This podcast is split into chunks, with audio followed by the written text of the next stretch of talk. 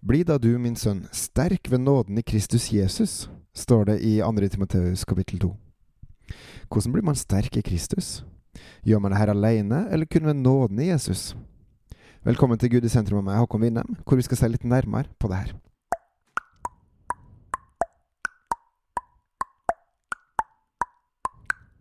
Bli da du, min sønn, sterk ved nåden i Kristus Jesus. Det du har hørt av meg, i mange vitners nærvær, overgi det til trofaste mennesker, som også er i stand til å lære andre. Hva sier så Paulus her i den andre delen her? For det første så må vi lytte. Og hva er det vi skal lytte til? Eh, Timoteus her ble jo kalt til å lytte til det som Paulus hadde gitt han. Men hvor har Paulus fått sitt fra? Det er jo rett og slett fra Gud. Det Gud har sagt til han. Og Guds ord, det er sannheten. Skal du ha visdommen, må du oppsøke den, be om å få den, i tro, som Jakob 1,5 sier. Og For det andre så står det at vi skal overgi det. Og Da er jo spørsmålet hva skal vi overgi, og hvem skal vi overgi det til? Det enkle svaret på hva vi skal overgi, er jo rett og slett Guds ord. Det som står i Bibelen, det som Gud sier direkte til oss også. Vi må rett og slett være sterke på hva Gud har sagt, hva Gud sier, og hva som er sannheten. Da vet vi hva vi kan overgi. Og videre så skal det, skal det overgis til trofaste mennesker. Trofaste mennesker som da holder fast ved Gud, som holder fast med Hans sannhet, som holder fast ved Hans ord, og som bygger seg opp i det. Og som også er gode pedagoger, som det egentlig står på grunnskrifta, i stand til å lære andre. Det her skal vi rett og slett gjøre. Videre står det i vers 3.: Lid ondt med meg, som en god Kristi Jesu stridsmann. Lide, er det vanlig? What doesn't kill you, only makes you stronger, er det en eller flere sanger som sier. Og det står videre Ingen som gjør krigstjeneste, blander seg inn i dagliglivets sysler, for han vil gjøre sin hærfører til lags. Og den som kjemper på idrettsbanen, får ikke seierskransen uten at han følger reglene. Dette er metaforer som Paulus bruker. Og da er det første spørsmålet krigstjeneste. Er det en krig som pågår? Ja, i det usynlige og i det synlige, hvis man vet hvordan krigen ser ut, hva den handler om. Og dermed kjempe som en idrettsmann og vinne seierskrans, har det noe med det kristentrua å gjøre? Det som disse to har til felles, det er at begge trener styrke. Trener utholdenhet, tålmodighet. Man lærer seg å tåle motgang. Man må være mentalt sterk, øve seg opp i det. Man må være dyktig i sitt, til det ytterste beste. En må også ha en sterk indre drivkraft og motiveres av kampen. En kjemper med nebb og klør for å vinne. Og så gjør man hva som helst, nesten hva som helst, for å vinne. Og man kjemper også skulder med skulder sammen med de andre på laget. Og man viker ikke til verken til høyre eller venstre, eller får skader, men man skal når må, nå målet, og kjempe og kjempe og kjempe videre for å klare det.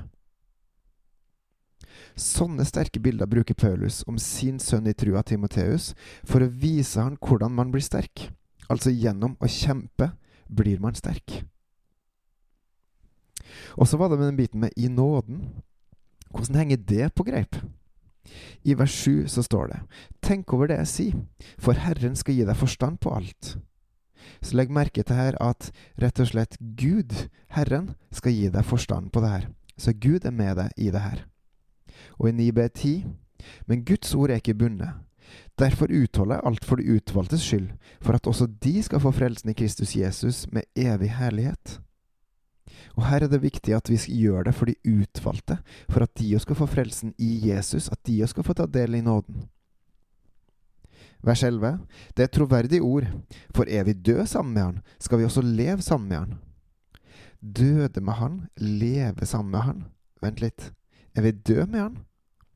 Den første Adam, den syndige, onde natur, det kjødelige mennesket, lysten til det onde, bekymringer, rikdommer, alt det her er av det onde, og vil forgå. Den svake lar seg styre av det her, og det er helt vanlig, dessverre. Men det naturlige, det vi er skapt til, er å følge Herrens gode lov og liv gjennom det Jesus gjorde for oss.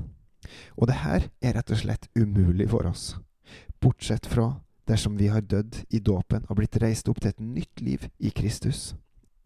Da lever vi sammen med Han i Hans nåde og ikke i egen kraft. Da er vi rett og slett frelst fra vår onde natur, fra syndens lov, og fri til å tjene Jesus gjennom den nye loven, åndens lov, Kristi lov, og skal være drevet av Hans ånd, Den hellige ånd. Det er Guds store nåde. I vers 12 så står det Holder vi ut, skal vi også herske sammen med Han. Fornekter vi, skal også Han fornekte oss. Så igjen, ved å være sterk i Jesus Kristus, så skal vi holde ut, og gjennom det så skal vi få lov til å herske med Han i Hans rike, i Guds rike. Men fornekter vi, da skal Han fornekte oss.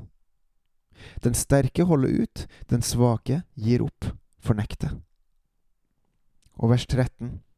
Er vi troløse, så forblir Han trofast, for Han kan ikke fornekte seg sjøl. Det han har lovt, det holder han, også dersom vi forlater han, faktisk. Men Gud er god, og kun han gir tru. Lengter du etter å kjenne Gud, da er det fordi han kaller. Og han vil fortsette å kalle fordi du er utvalgt. Hva gjør du? Du er vel døpt? Hvis nei, gjør det, for å vise din tru, og for å døde det gamle og stå opp til det nye livet i Jesus. Og hvis du er døpt, hva nå? Det gamle er forbi, og det nye er i anmarsj. Gå til han, legg fram din sak for han. Be han trene deg opp til å bli sterk i hans gode nåde, som en sterk soldat og en seirende idrettsmann på det seirende laget, Guds rike laget. Bebels og på gjenhør.